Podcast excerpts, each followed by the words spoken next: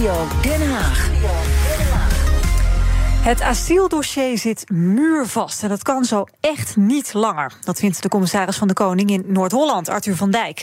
Volgende week wordt er gestemd over de beruchte spreidingswet... en morgen over een hele rits amendementen om de wet nog aan te passen. Nou, alles en iedereen houdt elkaar in een soort politieke houtgreep... en intussen neemt het asielprobleem alleen maar toe. Hij is onze gast, Arthur van Dijk. Goedemiddag. Goedemiddag. En ook bij ons politiek verslaggever Leonard Beekman. Leonard, jij ook welkom. Goedemiddag. Meneer Van Dijk, om met u te beginnen. Wat is uw grootste zorg? Wat ziet u gebeuren? Nou, mijn grootste zorg is dat er eigenlijk niks gebeurt. En dat we uh, eigenlijk uh, de discussie voeren in Den Haag. En die discussie is natuurlijk door uh, tussentijdse verkiezingen alleen nog maar heftiger geworden. Omdat partijen natuurlijk zich ook profileren richting 22 november. Mm -hmm. En dat ondertussen het nog dweilen met de kraan is. En dat we nog elke week en bijna elke week brieven krijgen uit Den Haag. waarbij er voor extra opvangplekken gezocht moet worden. Maar dat natuurlijk met um, in eerste instantie de spreidingswet in je gedachten. Heel veel gemeenten dachten van nou, dan moeten we misschien toch wel gaan meewerken. Maar nu zie ik dat het draagvlak eigenlijk niet groter wordt, wordt eerder kleiner. Mm -hmm. En het steeds lastiger wordt om uh, mensen een uh, fatsoenlijke plek te geven. Dus het wordt tijd dat er een beetje rust komt in dat dossier. Ja, wie neemt u dit vooral kwalijk dat dit dossier zo muurvast zit? Nou, dan moet je denk ik wel teruggaan in de geschiedenis. Want uh, we hebben natuurlijk een eerdere asielcrisis gehad in 2015. En je zou kunnen zeggen, wat hebben we er eigenlijk van geleerd? We hebben toen afgeschaald. En uh, eigenlijk uh, was de Kamer, denk ik, uh, best goed op weg. En, en ook de staatssecretaris om met een flexibilisering, zoals dat heet, van de asielketen te komen. Niet één ter apel, maar meerdere plekken in het land met satellieten. Ja, het is allemaal ingehaald door uh, vandaag de dag en wat er allemaal is gebeurd. En daar is natuurlijk ook nog uh, de Oekraïnersopvang uh, bijgekomen. Maar de, we zijn nu eigenlijk alleen maar aan het dweilen en, en er worden geen besluiten genomen. Kijk, nee. Die spreidingswet is natuurlijk bedacht om dat probleem in ieder geval te tackelen. Maar ik zie nu dat we het allemaal voor ons uit gaan schuiven. Ja, maar u zei in 2015 waren ze goed bezig. Wanneer keerde dat tij dan en, en door wie kwam dat? Nou, kijk, op een gegeven moment hadden we uh, toen heel veel uh, gemeenten opgeschaald eigenlijk om uh, extra plekken te realiseren. Maar die waren toen in één keer eigenlijk niet meer nodig. En daarna hadden we een wat rustige periode, zou je kunnen zeggen. En de afgelopen paar jaar, maar goed, dat is geen nieuws wat ik u zeg. Mm -hmm. Is het natuurlijk in één keer toegenomen. Met als gevolg dat de COA heel veel plekken tekort had. En ja. eigenlijk zijn we continu gaten aan het dichten. En mijn oproep is er eigenlijk op gericht. Uh, en dat gaat eigenlijk alle politieke partijen aan. Uh, stap even over je schaduw heen. Toon politiek leiderschap. Kijk naar wat er in de praktijk gebeurt. Geef ons op zijn minst een tijdelijke wet voor twee jaar. Zodat we. Um, en ik noem het geen dwangwet, maar ik noem het neem verantwoordelijkheid ook uh, als gemeente. Zodat je uh, weet waar je aan toe bent. Dan heb ik ook instrumenten als commissaris om dat bij gemeenten neer te leggen en te zeggen: dit is wat jij moet doen. Ja. Maar ik heb ook instrumenten om te zeggen: van kunnen we ook tussen gemeenten uitwisselen. Ik heb die instrumenten nu niet. Ik heb ook geen blauwe ogen. Ja, en als je dan toch telkens malen die brieven krijgt aan de ene kant uh, uit Den Haag... en aan de andere kant zie je de discussie... ja, dan word je denk ik een beetje moedeloos van. Ja, ik kan me voorstellen, want uh, u, u, u, bent er ook wel echt gefrustreerd over, toch? Die stapel brieven die maar groeit op uw bureau.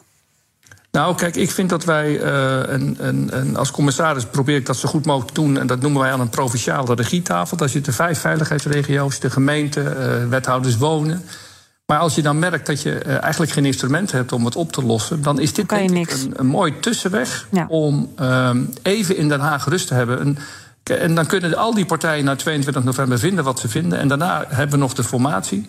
Maar ondertussen kan er dan in de praktijk uh, zeg maar op een goede manier invulling worden gegeven aan de opvang. Ja. En natuurlijk wat er dan met een nieuw kabinet en in een nieuwe formatie uh, voor plannen uh, op tafel komen. Nou ja, daar zullen we ons natuurlijk ook weer naar schikken. Ja. Maar even die rust lijkt me heel verstandig. Ja, dus u pleit voor een tijdelijke wet. Daar wil ik straks nog meer over horen. Even naar Leendert. Leendert, die spreidingswet die wordt volgende week behandeld.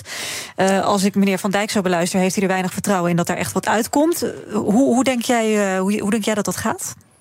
Nou, de behandeling is al geweest. Het gaat nu echt over het stemmen uh, rondom de amendementen. Dus de aanpassingen van de wet. En volgende week wordt dan de spreidingswet. Daar zelf wordt daarover gestemd. Ja. ja, de vraag is: wordt die spreidingswet nou aangenomen in beide kamers? Nou, de kans in de Tweede Kamer is al klein. Er ligt wel een amendement van het CDA... waarin wordt geregeld dat gemeenten wat meer tijd krijgen... om de asielzoekers eerlijk te verdelen over de verschillende gemeenten. Nou, daar lijkt genoeg steun voor. Maar dan is het de vraag of er ook nog genoeg steun is... voor de uiteindelijke spreidingswet. Nou, in de Tweede Kamer, als de SP meegaat... dan is er waarschijnlijk genoeg steun. Maar ja, we moeten kijken naar de Eerste Kamer... en daar lijkt het uitgesloten. En dan komt op dit moment hangt het op de BBB. Of zij wel of geen steun gaan geven aan de wet. Maar zij hebben een hele duidelijke eis gesteld. Ze hebben zelfs zelf een voorstel gedaan om de wet te wijzigen. En zij willen um, een quotum voor het aantal asielzoekers dat naar Nederland komt. Ja. 15.000. Ja, en ik kan je wel op een papiertje of een briefje geven dat uh, dat abonnement niet aangenomen gaat worden. En daarmee lijkt de spreidingswet eigenlijk uh, kansloos. Ja, denkt u dat ook, meneer Van Dijk, dat die spreidingswet uh, het gewoon niet gaat halen volgende week? Nou, op deze manier natuurlijk niet. En uh, mijn oproep is ook juist dat partijen uh, niet allerlei extra eisen gaan stellen en eigenlijk politiek bedrijven. Maar dat ze zeggen: ja. kijk, ik denk dat de, de staatssecretaris, uh, Erik van den Burg. Uh, die, die heeft een grote gunfactor. Die man die heeft de afgelopen periode keihard gewerkt. En probeert elke week uh, ook zelf plekken te vinden. Die is niet voor niks met die spreidingswet gekomen. En het steun van het IPO, steun van het VNG, dus de provincies en de gemeenten staan er ook eigenlijk achter. Mm. En die willen eigenlijk ook dat we het proces uh, even depolitiseren. Want in, de, in deze situatie betekent dat iedere gemeenteraad ja. uh, beslist over of ze het wel of niet willen. Maar eigenlijk zou dat niet moeten. Ze moeten beslissen over hoe ze uh, de opgaven die ze krijgen gaan oplossen. Ja. Maar dan kijkt u natuurlijk ook. Weg, uh, Nina, er is nog een andere uitweg. Hm? En dat is dat Erik van den Burg is de staatssecretaris van de VVD. Ja, als je een meerderheid wil hebben in de Eerste Kamer en in de Tweede Kamer, dan uh, zou het heel fijn zijn als zijn eigen partij zou meestemmen. Maar dat willen ze niet. Want zij zeggen namelijk: we moeten eerst wat doen aan de instroom. Want anders kunnen wij uh, die spreidingswet niet dragen. En het kabinet is natuurlijk gevallen op asiel, op afspraken over asiel. Dus het is nu eigenlijk heel gek om eisen te gaan stellen over instroom. Want dan zijn ja. ze met elkaar. Zijn niet uitgekomen. Niet over, nee, nee, zijn ze niet uitgekomen. En op het moment dat je het er nu wel uh, ineens er, uh, de, het erover eens wordt, kan je je afvragen: ja, waarom is het kabinet dan demissionair? Uh, maar de VVD kan de eigen, eigen staatssecretaris nog redden. Door te zeggen: Nou, maar, wij gaan er nog wel mee akkoord. Maar hier zit precies mijn oplossing en dat is die tijdelijkheid. We, nemen namelijk geen onomkeerbaar besluit, maar we doen het voor twee jaar. En dat betekent dat iedereen zijn kruid mag droog houden tot na 22 november. Om dan, want uiteindelijk gaan wij daar niet over als provincies. Daar gaat het Rijk over, over het migratiebeleid. En natuurlijk ook hoe we daar in Europa uh, in willen zitten als uh, Nederland. Dus ik denk eerlijk, maar dan hebben we wel de rust. En ik denk dat de Kamer daar ook blij mee zou moeten zijn voor beide kamers. Maar meneer Van Dijk, uw partij gaat hier toch nooit in mee? Die zijn toch wel echt heel duidelijk geweest. Die willen het allemaal lekker over de verkiezingen heen, uh, heen, heen tillen. Want dat hebben ze ook nodig nou, voor de verkiezingen. Het is een speerpunt. Nou, daarom is het ook politiek leiderschap van alle partijen. Zij ja. zullen uh, als, als iedereen in het land die hiermee bij, bij betrokken is...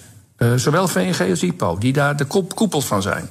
Zeggen van geef ons nou in ieder geval die instrumenten om dat op een goede manier op te lossen. Mm. Ja, en, en die tijdelijkheid kan uh, in ieder geval ervoor zorgen dat, het, uh, uh, dat je daarna dus de ruimte krijgt om in definitief beleid te gaan kijken hoe je dat wil gaan Maar meneer Van Dijk, u zegt, wil gaan met COA, IND, noem maar op. Ja, u zegt politiek leiderschap van alle partijen. Moet u eigenlijk niet gewoon eens zeggen: mijn partij moet gewoon eens opstaan? U wordt eigenlijk nu zelf een klein beetje genaaid door uw eigen partij. Nou, dat kunt u zo uitdrukken. En, uh, natuurlijk, Voelt u dat niet zo? Binnen, binnen, binnen de VVD, maar ook binnen de BBB en binnen het CDA... binnen alle partijen uh, die ik op dit moment spreek... Uh, leg ik ook neer van, jongens, gun jezelf ook de rust... want het is veel fijner onderhandelen naar een nieuw kabinet. Als je weet dat dit onderwerp in ieder geval even rust geeft... dan dat je elke dag, want zo gaat het dan de komende anderhalf jaar... dan zijn we er niet vanaf. Dan zal ook de Kamer telke malen worden geconfronteerd ja. met een dossier waar niemand uh, zijn vingers aan wil branden. En wat zeggen die partijen tegen u als u dit neerlegt? Wat, wat krijgt u dan voor reactie? Nou, dan moet natuurlijk iedereen houdt zijn kaart aan, uh, tegen het bos. En dat, is, borst. En dat is een van de redenen waarom ik nu op de radio ben. Om te zeggen van uh, durf, durf hier nu een stap te zetten. Ja.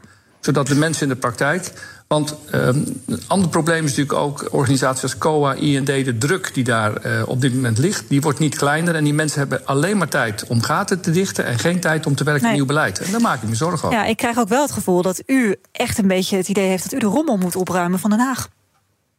Nou, rommel opruimen van Den Haag. Kijk, weet u, het is altijd heel makkelijk om achteraf te zeggen uh, uh, dat je rommel opruimen bent. Ik denk wel dat je soms in Den Haag je eigen rol niet moet vergeten. En moet beseffen dat uh, waar we zitten, dat dat een gezamenlijke verantwoordelijkheid is. En ja, als u, als u het zo bekijkt, dan hadden we in 2015 misschien moeten leren van de asielcrisis toen. En het nu anders moeten doen. Mm -hmm. andere kant, ik zeg van ik moet verder morgen, dus ik neem de lessen mee. En ik leg neer uh, hoe ik denk dat het morgen opgelost zou kunnen zijn. Mm -hmm. Maar volgens mij zeg ik eigenlijk helemaal niks nieuws. En hoor ik ook nog wel eens hier en daar in Den Haag uh, dat een tijdelijke wet misschien een oplossing zou kunnen zijn. Nou, ik roep het dan nu wat harder.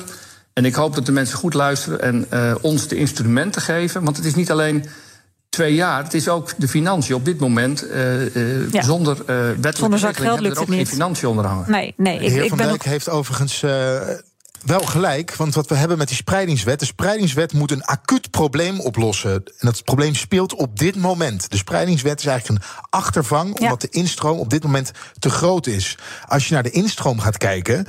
Uh, en dat kan niet uh, 1, 2, 3 geregeld worden... Ja, als dat in één keer zou lukken, heb je die hele spreidingswet niet meer nodig. Nee, maar ja, de noodzaak van die spreidingswet precies. is nu juist... omdat we geen grip hebben op de instroom. Ja. En dat heb je niet zomaar geregeld. Nee. Meneer Van Dijk, tot slot. Um, u zegt, geef mij dan de instrumenten om, om in elk geval tijdelijk rust in de tent te brengen en om echt actie te ondernemen. Ik vraag me wel af, wat kunt u wel wat Den Haag niet lukt? Want krijgt die onwillige gemeente maar eens mee?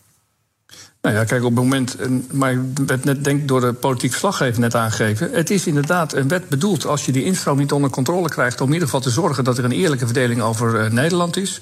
En dat betekent dat de gemeenteraad niet meer uh, een besluit hoeft te nemen of ze willen opvangen, maar hoe ze het gaan ja, doen. Maar dan is het dus wel dwang. Voordeel... U noemde het geen dwangwet, nee. maar dan is het dus wel dwang. Ja, maar dat is met statushouders precies hetzelfde. En, nu heeft, uh, en iedere gemeente heeft uh, heel veel gedelegeerde taken vanuit het Rijk... die ze ook moeten uitvoeren. Dus wat dat betreft is dat niks nieuws. En nogmaals, het is, we praten niet over een normale situatie. We praten over een situatie die een soort van crisis zou je kunnen zeggen... alhoewel ik het een rotwoord vind...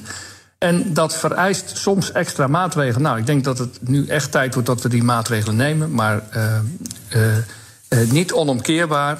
En het voordeel daarbij is ook dat de wet ruimte geeft om ook tussen gemeenten en regio's te verevenen en uit te ruilen. En dat maakt dat je uiteindelijk als provincie kunt zeggen van... kijk, dit is onze totale taakstelling, dit is het bij gemeente... en onderaan de streep moet je zwarte cijfers schrijven.